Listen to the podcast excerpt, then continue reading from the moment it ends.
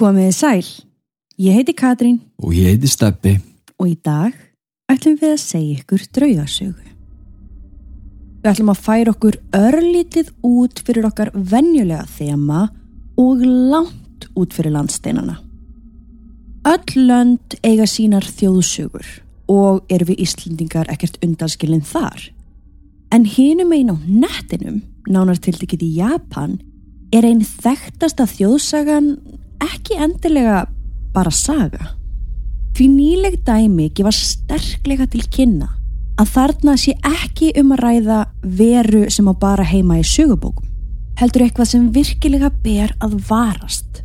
Eitthvað sem er raunverulega hættulegt og í alvörunni til. Við ætlum að segja ykkur hérna hrollveikjandi sögu um veruna sem engir foreldrar í Japan vilja nálagt börnunum sínum og þóra jafnvel ekki að segja nafninar upphátt. Verið velkomin í þátt okkar um Hachi Shakusama.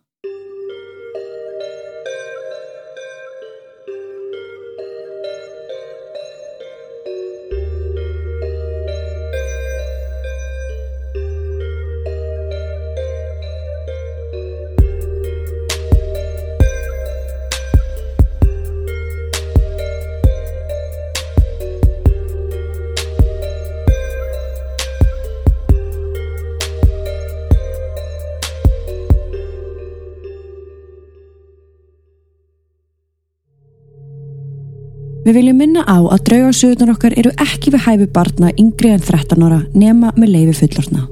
Og með því hefjum við sögu dagsins.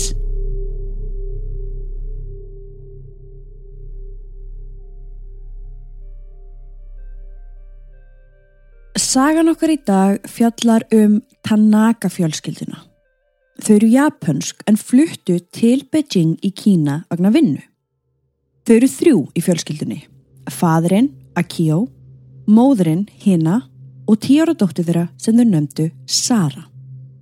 Þrátt fyrir að vera búsett í Kína þá fluguðu reglulega að minnst að kosti tvisóra ári til Japans til þess að heimsækja föður fjölskylduna.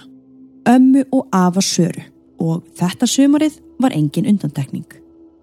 Fjölskyldan var öll búin að vera undir miklu álægi í vinnu og skóla svo frí hjá ömmu og afa í litla bænum þeirra var kærkomið. Ef Sara bara vissi að þetta er því síðasta skipti sem hún sæði þau. Eins og vanalega þá pöntuðu Tanaka hjónin flug og á flugvöldunum í Japan beigður að bílalegubíl. Þau kerðu síðan til Takayama þar sem amman og afinn byggu. Þetta var laung kyrsla, tæplega átta og hálfur tími í bíl, svo Sara sopnaði í aftursætinu eins og vanalega. Þegar fjölskyldan var komin á leiðaranda var tekið vel að mótið þeim. Sara fekk fullt af litlum gjöfum frá ömmusin og afa en það var ansi langt síðan hún sá þau síðast. Þó að bærin sem þau byggu í var lítill þá var húsið þeirra stórt og rúmgott á tveimur hæðum. Baka til var síðan stór garður sem vísaði að skóginu. Svo það voru tré og runnar allstaðar. En foreldra Söru höfðu ekki engungu ferðast í Japans í þeim tilgangi að hitta foreldra sína og tengda foreldra. Nú, Þau voru búin að bóka fimm stjörnu hótel í öðrum bæ og ætliðu að nota tækifæri til þess að fara aðeins burtu saman bara tvö. ok, flott. Á meðan átti Sara að vera í pössun hjá ömmu og afa. Svo foreldrar hennar kissan að bless og segi henni að þau munu koma aftur eftir fjóra daga og sækjana og síðan myndu þau fljúa saman aftur heim. Ok, þannig að þetta var eiginlega bara svona personaferð. Já, svolítið, já, ok, eiginlega. ok, já. Sara átti vini í hverfinu sem hún var vön að leika við á sömrin. En þetta sömarið virtist enginn vera heima. Allir voru í ferðalögum hingað og þangað, þannig að Sara endaði því að leika sér meira og minna einn. Amma var samt alveg duglega að fara með henni í göngutúra og búðir og afi tók hana með sér þegar hann var að skuttlast á milli verslana, en þess á milli þá leik hún sér aðalega einn út í gardi. Eins og þú sagðir á þann, garðurinn var stór og í honum var róla og sandkassi. Mm Ammennar og afi áttu fleiri barnabörn en bara hana svo þau ákváðu að breyta garðinum í eitt stóran leikvöld þar sem að þau vildu ekki að krakkarnir fara að þvælast eitthvað ein í leita skemmtun. Ok, flott, já. Það var laugadagur og byrjaði að rökkva. Það hafði verið mjög heitt þennan dag svo Sara lá á bakinu í grasinu og nöytast að finna kaldan vindin. En þegar hún var við það að standa upp, þá heyrir hún skyndilega fyrðulegt hljóð. Þetta var hljóð sem hún hafði ekki heyrt áður og hún gerði sér ekki alveg grein fyrir því hvaðan það kom. Hún stóði upp og leiti kringum sig. Hún gekk að grindverkinu og kíkti til hægri og vinstri, en sá engan. Síðan var henni letið að skóginu. Hún gekk hægt og rólega að trjánum og tók þá eftir að hljóðið var að koma þaðan. Hún færði sig hægt og rólega nær trjánum og heyrði hvernig hljóðið varð herra og herra. Það var líkast því að einhver var að ganga á milli trjána og var að nálgast hana óðfluga. Röttin sem hún heyrði var djúb og dimm. Svo Söru fannst líklegast að hvað og hverju myndi hún sjá Karlmann koma úr rjóðrinu. En þá allt í einu sér hún inn í skóinum hátt uppi eitthvað sem líktist stráhatti. Hún fór upp á tærnar til þess að sjá betur því fyrstum sinn leiti þetta út eins og hattur sem var í fastur upp í tré. En svo sér hún að hatturinn er að koma nær henni og að þokkalugum hraða. Sara vissi ekki hvað hún ætti að halda svo hún stóð stjörf og horfi á það sem fór fram. Það var einhver að lappa þetta í skóginum og þessi einstaklingur var stór, öruglega þrýr metrar og hann var með hatt. Þá sér hún loksins á milli trjána þess að fyrðulegu veru byrtast. Þetta var risastór kona í kvítum kimóno með stráhatt. Hún var með dökk augu og skrítið falst brós á andlitinu. Hárið henni var svart og náði á olboga og þarna stóð hún á milli trjána og horði á söru. Þessi kona var risastór. Svo án þess að fatta það þá fer Sara að tegja sig aðeins til hægri og til vinstri til þess að aðtöða hvort að konan væri kannski á stultum en hún sá ekkert slikt. Þessi skrítna kona var bara raunverulega svona stór. En hvað var hún að gera í gardinu mennar? Svo allt í einu snýr stóra kona sér við og gengur burt og hún heyrir hvernig hljóðið sem fylgdini hverfur inn í rjóðurinn með henni.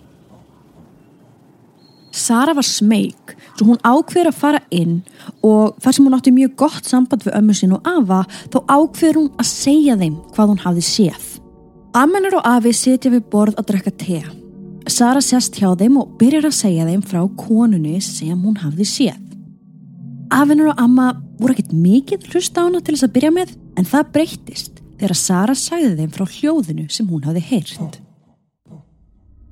Um leið og hún sagði þeim það þá sá hún hvernig þau stýpnuðu öll upp og störðu á hana. Sara sá tár byrja að myndast í augunum á ömmusinni á sama tíma og hún setti lófan yfir munn sér. Afennar varð alvarlegur á sveip. Sara hafði aldrei séðan svona áður og áður en hún vissi af reyfan í handleikin á henni og sagði ákveðið. Þetta er mjög mikilvægt, Sara. Hversu há var hún? Söru var brögðið en hún segir afa sínum að konan hafi verið örglega þrýr metrar á hæð. Afinar hjælt áfram að spyrja hann spurninga. Hvar stóð hún? Hvenar nákvamlega sást hana? Hvað gerðuru? Og ertu vissum að hún hafi séð þig? Sara reyndi eins og hún gat að svara öllum þessum spurningum en allt í einu stendur af hennar upp, næri heimasíman og gengur burt. Sara lítur á ömmu sína og sér hvernig hún var núna byrjuð að gráta fyrir alvöru og skalf öll þar sem hún satt í stólunum. Afinn kemur fljótlega aftur inn í eldúsið og talar við ömmuna. Hann segir henni að hann ætli aðeins að skjótast en hann muni koma fljótlega aftur. Hann segir henni líka að hún megi ekki missa sjónar á söru sama hvað. Sara var orðin virkilega hrætt þarna og var sjálf byrjuð að snökta. Þegar afennum var farin þá spyr hún ömmu sína hvað væri að gerast. Ammenar þurkar tárin og segir svo Þú hefur verið valin af Hachi Shakusama. Um leið og hún slefti orðinu heyraðu afan keira úr yngkerslunni á ofsarraða. Sara snýsir á ömmu sinni og spyr hana hvað hún eigi eiginlega við. En ammenar svarar henn ekki. Engar áhyggjur, Sara. Afi mun laga þetta, þú þarft ekki að hafa áhyggjur. Saman sátu þær við eldursporðið í þögn og byðu eftir að afinn myndi snúa tilbaka. En Sara þurfti svör. Amma fer þá að útskýra fyrir henni að það væri hættulegt að vera í skóginu og að þessi vera væri kölluð Hachishakusama vegna hæðanar. En á japansku þýðir þetta 8 feet tall. Alveg rétt. Já. Eitt þýðir bara hachi, Já. shaku það er gamalt heiti við fet í Japan og sama það þýðir bara hátt. Mystík er hlaðvarp sem fjallar um skrítin og dularfull mál. Morð, mannskvörf, myrkraverur, mannrán og aðrar misteríur. Þættirnir eru allir mismunandi uppsettir eftir því hvaða mál er tekið fyrir hverju sinni. En ef þú hefur gaman að trú kræm og allir því skrítna og undarlega sem er að gerast í heiminum, þá skaltu prófa að hlusta á þessa þætti. Þeir eru frýir og koma út vikulega á þinni hlaðvarsveitu. Mystík er framleitt af Ghost Network. Þessi vera eða andi eða hvað sem þetta nú er sýnir sig sem hávaksna konu og hún gefur frá sér þetta hljóð. Hún getur tekið á sig alls konar mynd. Sumir sem hafa síðan að segja að hún líti út eins og eldgumul kona, jafnvel norn í kimono, á meðan aðrir segja hún sé ung í hvítum kubli. En það sem breytist aldrei er hversu há hún er og þetta hljóð sem hún gefur frá sér. Vá. Og þetta er hennar einkennismerki. Mhm. Sko, sagan segir að fyrir mörg hundruð árum hafi japanskir munkar gómað þessa veru og náða lokana inni eða festana inni á ákveðin hátt. Í hverju hortni herbergisins, austur, söður, vestur og norður, sett verið trúarlega stittur sem kallast Jísus. Og þannig átti þessi vera eða mögulega bara djöfull ekki að geta farið neitt. En á einhvern hátt náði hún að sleppa en það voru 15 ár síðan það við sést til hennar síðast. Akkurat. Ammenar heldur áfram að segja henni að hver sá sem sé valinn af hávöksnu konunni degi á nokkrum dögum. Sara talar um að henni hafi þótt þetta allt saman mjög fjärstæðukent og hún var alls ekki vissum hvort hún treði þessari sögu ömmu sinnar Mm. en það var svo sem lítið sem hún gætt gert í sjálfu sér annað en að býða eftir afa sínum ég meina hún var ung Já, ég meina hún er ekki nema hvað 10 ára Akkurat þannig að þú bara hlýðir fullorðnum og foreldrum og ömmum og öfum. Hann kemur svo loksins heim og með honum er gömul kona. Hún kynir sig með nafninu Kausan. Hún gengur upp á söru og laumar að henni brefbút. Hún segir henni að halda á þessu og passa upp á hann. Sara lítur á hann og sér að þessi miðlungstóri brefbútur lítur út fyrir að vera mörg hundruð ára gamall. En hún segir ekkert. Síðan fara afinn og kásan upp í herbergi. Sara er enn og aftur skilin eftir inn í eldúsi með ömmu sinni. En núna þurft hún nöðslega að nota baðherbergið. Ammenar fylgd henni þangað og bað hana um að vera með opna hurð á meðan. Þarna var Sara orðin raunverulega hrætt. Ef ekki við stóru konuna sem hún hafi séð, þá við þessi viðbrögð ömmenar og afa. Þau voru raunverulega hrættum að hún myndi deyja á næstu dögum og Sara var byrjuð að trúa því líka. Eftir smá tíma koma afinn og kásan aftur niður og byggja Söru um að koma með sér upp. Saman gangaðu upp í gestaherbergið sem Sara svaf í. Hún sá að það var búið að hilja glukkana með gömlum dagblöðum og alls konar trúaleg orð höfðu verið skrifið á þau. Í hverju horni var síðan skál með salti og á miðju gólfinu ofan á viðarkassa var bútastetta. Við veggin sá Sara síðan bláa tóma fötu. Til hvers er fatan? spurði hún og leitt undrandi á afa sinn. Fötun og notaru ef þú þarft að nota salernið, svaraði hann. Mm Kásan tók í höndina á Söru og sagði henni að fljótlega myndi sólinn setjast svo hún þyrti að hlusta vel á það sem hún hefði að segja. Hún sagði henni að hún þyrti að vera inn í þessu herbergi alla nóttina og ekki koma út fyrir sjö morgunin eftir. Ammennar og Afi gætu ekki tala við hana á þessum tíma og hún mætti ekki undir neinum kringumstæðum opna hurðina nýja gluggan. Hún endaði svo á að segja henni að hún myndi hafa samband við foreldrarnar og láta þá vita hvað væri í gangi. Afennar settist með söru á rúmið og tók utanum hana. Hann sagði henni að hún yrði að fara eftir fyrirmælum kásan og hún mætti aldrei sleppa brefbúknum sem hún hafi gefið henni.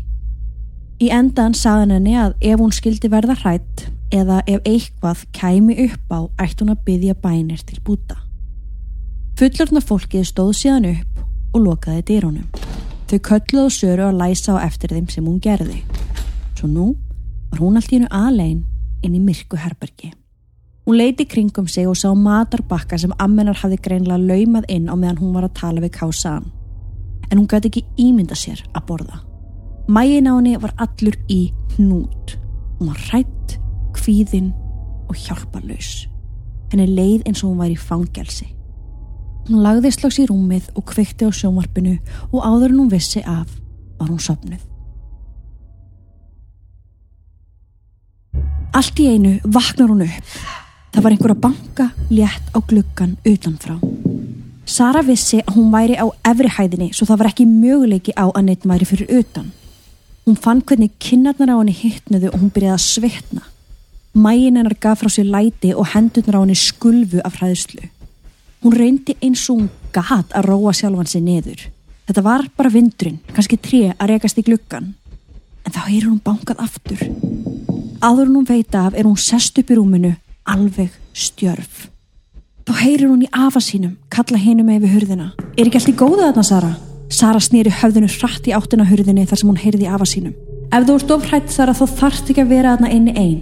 Ég get svo sem verið inni hjá þér ef þú vilt eskan. Sara andvarpaði og brós færðist yfir varrennar. Hún var ekki að höndla aðra mínútu einn inn í þessu dimma herbergi svo hún stendur upp og gengur að hurðinni. En þegar hún er komin alveg að henni þá fær hún gæsa húð út um allan líkama og hún stansar. Þessi rödd þarna hinum einn, hún hljómaði eins og afi en samt ekki alveg. Á meðan hún stóð þéttu fyrir hurðina þá bankar einhver á hana hinum einn frá og hún heyri kallað. Hvað ert að gera Sara? Þú getur að opna hurðina núna. Hún fikk hroll um allan líkamann og þorði ekki að reyfa sig. Hún leitt á hornin í herberginu og sá hvernig saltið í skálunum var að verða svart á litin. Hægt og rólega bakkað hún frá hurðinni. Hún skalf af hraðslu. Hvað sem þetta var sem var að eldana, það var hinum einn við hurðina. Hún var vissum það. Hún fjall á hnið og fór að byggja. Hún held þjætt utanum brefbútin á meðan hún bað búta um hjálp. Gerðu það bjargaðu mér frá Hachi Shaku Sama. Á sama tíma og hún er að byggja heyrir hún hljóðið fyrir utan hörðina. Engver var að banka á gluggan utan frá líka. Sara lá á gólfinu hjá stittinu grátandi og byggjandi. Henni fannst nóttin vera heil eilífð og þegar sólinn reys sá hún að saltið í skálunum var orðið kolsvart. Hún leita úri sitt og sá að klukkan var orðin hálf átta. Svo varfærdinslega færði hún sig að dýrónum og opnaði. Fyrir utan stóðu afinur og amma ásamt kásaðan. Amma hennar brast í grát og tók utanum hana. Hún var fegin að Sara væri á lífi. Saman fóruðu svo niður í eldús þar sem Sara sá foreldra sína setja. Hún átti ekki vonað þeim fyrir henn eftir tvo daga. Áfram, segir afina svo. Við verðum að flýta okkur. Í einkerslunni fyrir utan var stór svartur bíl sem Sara hafði ekki séð áður. Fyrir framannan stóðu átta menn.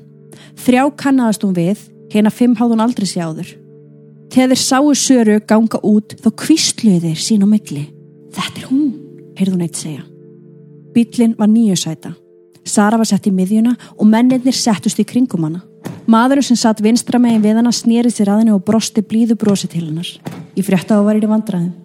Ég trú ekki öðrun að þú sér trætt. En myndu bara að horfa neður og hafa augun lókuð. Því sjáðu til, við getum ekki séð hana, en þú getur það. Svo ekki opna augun finnum við hún komin á leiðarenda. Afi og amma voru í fremsta bílum, í miðjunu voru Sara og mennirnir og fyrir aftan voru foreldrar hennar. Kásan kerði bílinn sem Sara var í en þau kerðu rosalega hægt, örglega ekki hraðar en á 20. Síðan allt í einu snýr Kásan sér við og segir Söru að vera viðbúna þau var að koma á erfiðan stað. Sara byrjar að byggja kvíslandi og þá byrjar hún að heyra kunnulega rödd. Sara kristi lófan með brefbútnum sem Kásan hafi gefið henni daginn áður. Hún horfið niður en allt í einu, án þess að fatta það, opnaði hún augun og kíkti út. Þá sá hún hana. Hvítan kjól í vindinum. Veran fyrir utan bílinn fór á sama hraða og þau. En skemmtilega beigð hún sér niður og leitt inn í bílinn með svörtum augum og skringilegu brosi. Sara öskraði upp fyrir sig og mennitir sáu að hún hafði opnað augun. Þeir skipinni að loka þeim strax og horfa niður. Sara hlíti en þrátt fyrir það heyrði hún einhvern byrja að banka á gluggan svipa hún hafði heyrt nóttina áður og á milli þessum einhver bankaði þá heyrði hún röddina. Bankið færðist frá einni rúðu á þá næstu og Sara heyrði að menninir voru orðin stressaðir. Þeir heyrðu þessu bönk líka þó þeir geti ekki séð veruna nýja heyrt í henni. Kásan byrjaði að byggja hátt og á endanum var hún nánast öskrandi. Orkan í bílnum var þrúandi, það voru allir skelkaðir, allir hrættir. Svo eins hratt og það byrjaði, þá hætti bankið og röddinn þagnaði. Sara heyrði Kásan segja að hún heldi að þau væru örug núna og hún heyrði hvernig mennitir í kringum hana andverpuðu og líkamar þeirra liniðust. Síðan stoppaði bílinn við vegabrún og mennitir hjálpuðu söru út úr bílum og inn í bíl foreldra sinna. Ína tók utanum dóttur sína og grétt. Pappinar og afi kvöttu mennina í svarta bílum en áður en þur heldu sína leið kom Kásan upp að bílgluganum og rétti söru annan brefbút. Þegar hún leita á bútin sem hún hafði haldið á tók hún eftir að hann var kolsvartur. Kásan segir henni að hún sé nokkuð vissum að allt verði í lægi en skipað henni að vera með brefbútin á sér næstu daga. Eftir það keiriðu þau upp á flugvöld og afinnar yfirgaf ekki flugvöldin fyrir hann sá flugvöldina taka á loft.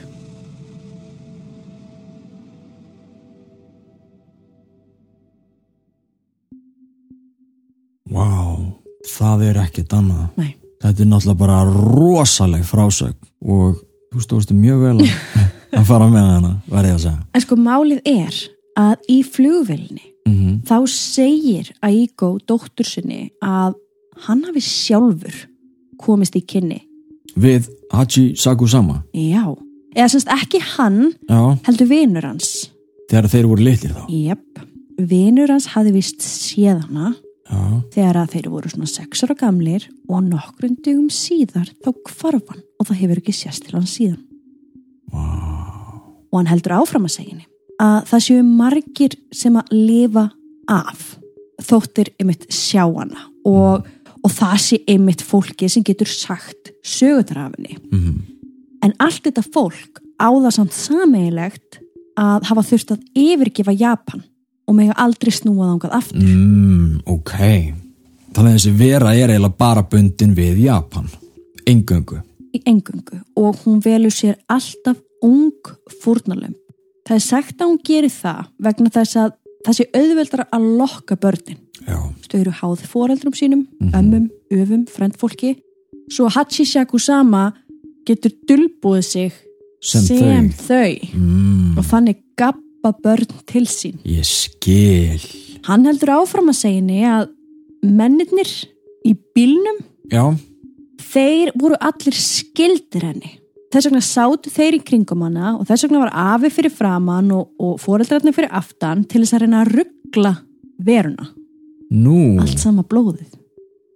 ah, ok, ég skil. Já, og það tók tíma að sapna þessu fólki saman og það er þess vegna sem hún í rauninni var lokuðin í herbergi. Þannig að það þurfti í rauninni ekkit að hafa hana inni til klukkan sjö? Nei, nei, nei, nei. Þa, þau voru bara í rauninni að reyna að venda hana af því hún í rauninni þurfti að koma sér burt frá Japan eins fljótt og hún strax. En það var ekki hægt að ferðast með hana nema að fá allt þetta fólk. Ég skil, og ég það, skil. það tók bara sinn tíma að fá allt þetta fólk. Þú veist, þess vegna, Mhm. þess vegna var hún lokuð inni sko, á meðan já, en þá spyr maður sig kannski mhm. og þú er kannski með svara við því af hverju slapp veran frá munkunum það er nefnilega góð spurning því jú, sagan segir að einn stittan í horninu hafi brotnað og þannig hafi ringurinn í rauninni slitna sem Ah. hjælt henni inni og bundið hann hann við þennan stað ég skil en þetta er svolítið magnað því þetta er pínu svona særing að þessu leiti Já. þannig er hún að rétt henni einhvern brefbút sem er kannski eins og í kathólskum verndagripum þá er kannski bútur úr einhverjum klæðum sem að einhver, einhver dýrlingu var með. Þetta er kannski eitthvað svipað, þú veist hún er að rétt henni brefbút og þessi brefbútur verður svartur. Þetta er eins og með krossana í særingum sem er brotna, sem er verða þú veist fyrir einhverju hnjaski. Þannig að hún hefur örgulega framkvæmt einhverja særingu mm og hún er greinilega með einhverja miðilshæfileika þessi mm K-san já, kásan Við hjónin höldum út í podcastinu Sannar Íslenskar draugasögur. Það er framleitt af Ghost Network, svo mögulega gætið þú haft gaman að því.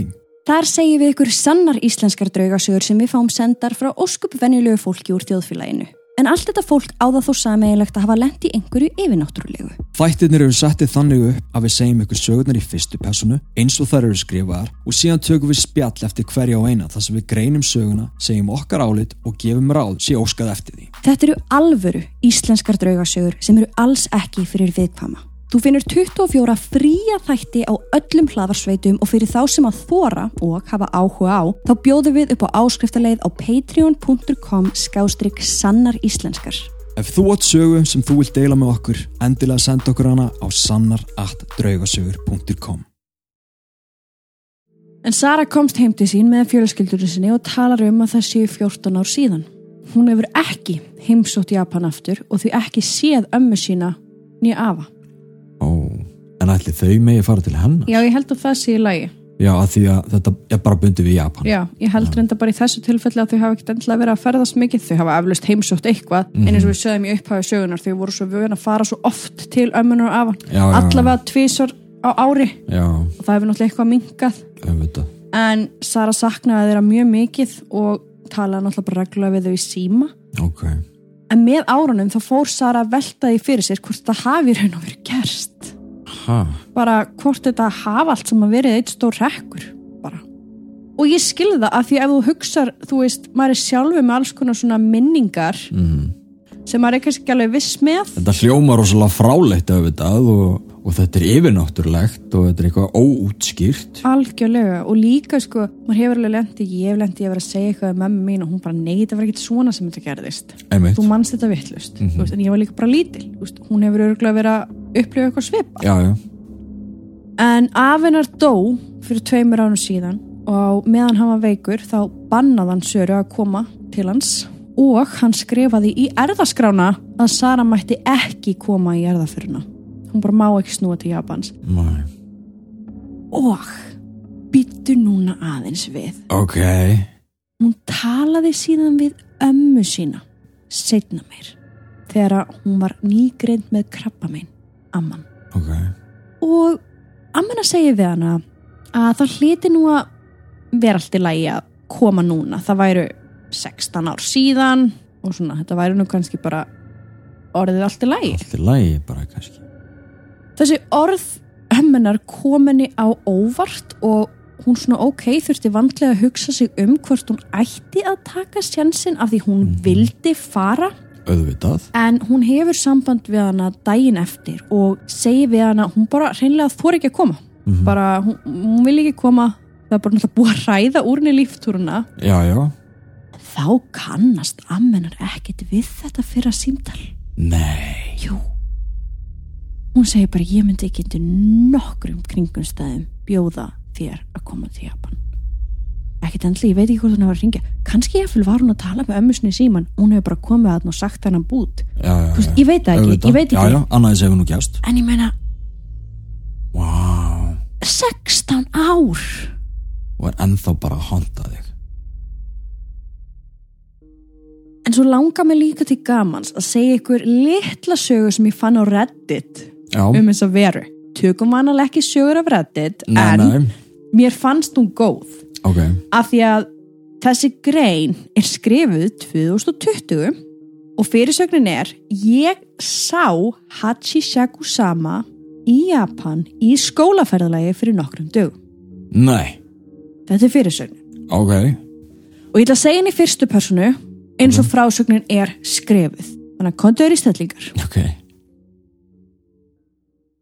Ég elska Japan og menninguna þar. Svo þegar skóli minn byrjaði að bjóða upp á kursa í japansku var ég ekki lengi að skrá mig. Ég er 17 ára gamall og skóli minn var að bjóða upp á skólaferðalag til Japans en því miður það átti ég enga peninga. Ég bað foreldra mína um að styðja mig og þau sögðust geta greitt fyrir helmingin en hinn helmingin þurfti að vinna mér inn með því að vinna á McDonalds.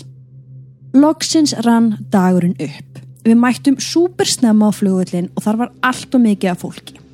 Flugið tók þrjá tíma og þegar við mættum fannst mér magnað að sjá hvað allt var stórt og hvað það var ótrúlega mikið af fólki út um allt. Við fórum í strætóferð með kennaranum okkar sem við skulum kalla frú M. Í þessari útsýnisferð var talað á japansku og frönsku og það var einmitt ástæðan fyrir því að við vorum aðna til þess að hlusta á tungumálið og læra.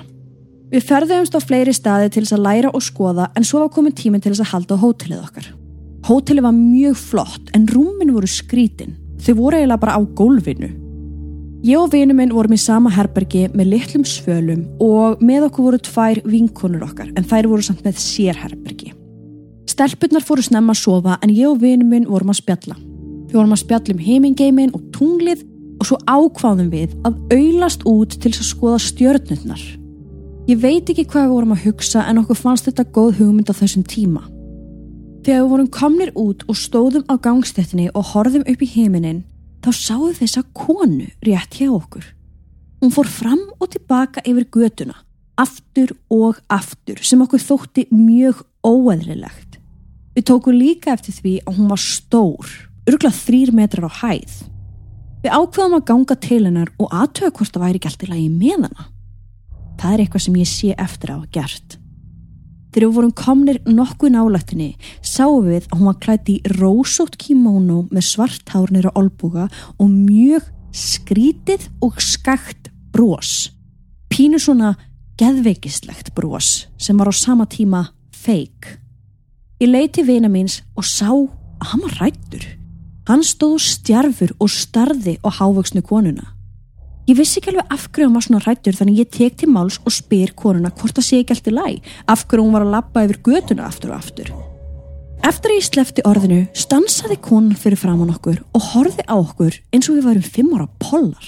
Þá skyndilega tekur vinu minn á rás. Ég stóð einn eftir en byrjaði fljótlega að hlaupa á eftir honum. Afgröst að hlaupa burt, spyr ég svo vin minn fyrir næjónum loksins. Þá segir hann mér að þessi vera sé fræ í Japan. Hún sé kölluð Hachisaku Sama og að hún drepi fólk. Við fórum inn á herbergið okkar hálf öskrandi ákvæðan annan af taugaveiklun. Stelpunna vöknuðu og heyrðu vin minn öskra á mig. Við munum deyja út af þér. Á þessum tímapunkti vorum við búin að vekja nánast alla, svo kennarinn kemur inn og spyr hvað sé í gangi. Við útskýrum fyrir henni að við höfum stólist út og sé þessa stóru konu og að núna varum við hrættur um að deyja. En frú M, hún var ekki að kaupa neitt að þessu sem við vorum að segja. Hún skipaði okkur að fara í rúmið. Um nóttina vaknaði síðan með einhver læti, eins og einhver væri að banka á gluggan utanfrá. Þegar ég sest upp sé ég hvernig vinu minn stendur stjarfur og horfir á hvítan vegg eins og hann var í einhvers konar trans ástandi. Nákvæmlega þetta atvik gerðist næstu tvær næturnar. En svo endar hann á þessari frásögn á því að spyrja og hann segir ég er búin að kynna mér hver Hachisaku Sama er og er því nokkuð vissum að hún muni koma og sækja mig og vin minn og fara með okkur á einhvern stað. Ok, Getur einhver please hjálpuð okkur, við vitum ekki hvað við eigum að gera. Akkurat núna er klukkan 5 á nóttu til og við heyrum ennþá í einhverjum banka í klukkan okkar. og er þeim svarað? Þeir fá svar. Hvernig er það? Það hljóma svona. segðu einhverjum í fjölskylduðinni frá þessu sem mun trúa þér. Síðan myndi ég koma mér frá Japan ASAP og hann svarar Já. strákurinn. Hann segir ok, ég er búin að tala við fóreldra mína og frænda mín og við hefum flug heim í dag klukkan 10.30 og meira veit ég ekki. Meira veitum við ekki. En þetta er bara strákurinn, maður veit ekki um vinnin ég veit ekkert meir. Nei, já, já. Mér fannst þetta bara áhugavert Þetta er áhugavert, sko. já, já. Veitum kannski ekki alveg hver sönnarbyrðin er þarna á bakvið en, alls ekki sko. en why not? Og það má alveg taka það fram að Hachishaku sama er svolítið einblínu svolítið á börn alveg til 17 ára aldus jafn gamlir og þessi drengir voru. Mm, eftir 18 ára þá, Þá- bara sérðu ekki þessa konu. Ah, ég held að það væri bara til svona 13 ára það er sagt 17 já, já 17, 18 þannig að þeir hafa verið bara á síðasta snúningi hana. Hachisaku sama er það sem Japanir kalla yokai akkurat. sem er draugur eða bara í beinni þýðingu. En málið með Hachisaku sama er að enginn verðist þekkja hvaðan hún kemur eða sögun á bakvið hann nei, það er einmitt alveg svolítið áhugavert. Já, emmi, þá erum við að tala um sko upprunan Dæmi sem hafa verið tengt við hana eru jú málið frá 2008 sem að þú sagðir okkur frá. Akkurat. Og síðan eitt frá 1998 sem ekkert er hægt að finna um. Nei, það er semst, við vitum bara að hún kom fyrir þannig 1998 mm en meira vitum við ekki, við vitum ekki söguna. Nei, fyrir það veit engin neitt. En ljóst er að Japanir sjálfur hafa lengi vitað af henni fyrir þennan tíma. Sagan hefur þó borist þannig á milli manna og klárlega einhverju sem vita hvernig skal bregðast við Þannig svona tæknilega séð verður maður að titla hana sem þjóðsögu. En þjóðsögur eru jú stundum aðeins meir en bara saga. Og við þekkjum það vel Íslendingarnir. Og til dæmis bara eins og með stapadrögin. Akkurát ungur maður bankar upp á hjá bónda í vonsku veðri og bóndin vill ekki hleypunum inn. Svo hann verður úti í óveðrinu. Það veit enginn hvað hann heitir eða hver þetta var eða hver kom að líkinu og svo Nei. framvegis mm En síðan þá hafa margir séð stapadrögin í nálægð við Reykjanesbrautina. Sumir hafa meira segja gefið honum far. En við vitum sem sagt ekkert hver hann var. En samt vita allir söguna einhvern veginn. mm Þannig að þetta er í rauninni frekar svipað og sagan sem við vorum að segja ykkur í dag. Já, einmitt. Þessi urban legend eða þjóðsaga. Og það eiga flestar þjóðir sínar þjóðsögur, til dæmis La Llorona í söður hluta Ameríku og hinnar ólíku frásagnir hennar. Við höfum tekið mér þess að allána tvær ólíkar sögur um La Llorona. Og svo er það Slenderman sem er keimlíkur Hachi Sakusama. Já, og hann hefur einmitt líka byrst í einhverjum frásögnum frá okkur. Mm Og ef við höldum áfram aðeins hérna á Íslandi fyrir utan stapadrögin þá erum við líka með djáknina Myrká. Akkurat. Engin veit nákvæmlega hver er áttu þar í hlut og það er líka skondið að segja frá því að djáknin á Myrká er eiginlega nákvæmlega eins og önnur sænsk þjóðsaga. Já, Samt teljum við þetta að vera okkar sögu. að sjálfsögðu. Að sjálfsögðu. Myrka og allt, sko. En einmitt, við erum ekki með neinn nöfn eða neitt, þess vegna flokkast þetta undir þjóðsögu. En sami hvað landið ert, þá samanstendur andaheimurinn að mestu leiti að því sama heilti við litið. Þó vissulega hafa ekki komið upp á yfirborðið margar lýsingar eins og á Haji Sakusama, sem er klárlega ekki kona sem að eitt sem var lifandi manneskja. Einmitt, einmitt. Einhver sem er yfir þrýr metrar á hæð með djúbri röddu og með alls konar brauðum og, og einhverju reynir hún að ná sínu fram. Þetta er að sjálfsögðu ekkert annað en bara djöfull. Og þeir eru allstaðir, við hefum sagt þetta áður og auðveldlega hægt að segja hreinlega að allar þjóðir hafi sinn djöfull að draga. Hachi Sakusama er einn þeirra djöfla sem Japanir díla við og munkar í búta hófum þar hafa mikla þekkinga á þessari veru. Ég menna þú veist, þú veist að segja okkur frá því að þeir geta haldið henni þarna í guðum og vita hvað sem er gár, jafnvel hundruður ára. Svo einhvern veginn sleppur hún út og það er alveg gott að minnast á það að því að við fáum stundu svona spurningar og líka bara svona vangaveltur fólks bara frá ólíkum hlutum heimsins að það þarf ekkert alltaf kathólska presta til dæmis í öllum særingum. Akkurat, akkurat. stundum þykja mitt bara munkar en einhverjir oft betri til að díla við djöfla á þeirra heimaslóðin Svolítið bara eins og til dæmis voodoo prestar til þess að díla við voodoo djöfla. Akkurat, þeir koma allir frá sama stað, þessi djöflar. En sumir engjarna sig bara við ákveðna staði, lönd og menningu. Og því bara endurtöku við þeir eru allstaðar Við höfum oft sagt það. Ef það eru mörg vitni af einhverjum yfirnáttúrulegum atbyrði eða eins og í þessu tilfelli veru þá er erfitt að þræta fyrir það. Eru virkilega allir þeir sem segjast hafa séð Hachi Sakusama að ljúa? Kanski, en mjög ólíklega. Andar heimsins eru margir og það eru til að minnstakosti fjórar miljónir djöfla. Þannig að hver eru við að segja að Hachisaku-sama sé ekki raunveruleg? Ef þú átt einhver tíma leið til Japans og þú byrjar að heyra hljóð í fjarska sem nálgast þig hægt og rólega. Eða ef þú sérð þryggja metra konu með svart hár og skakt bros.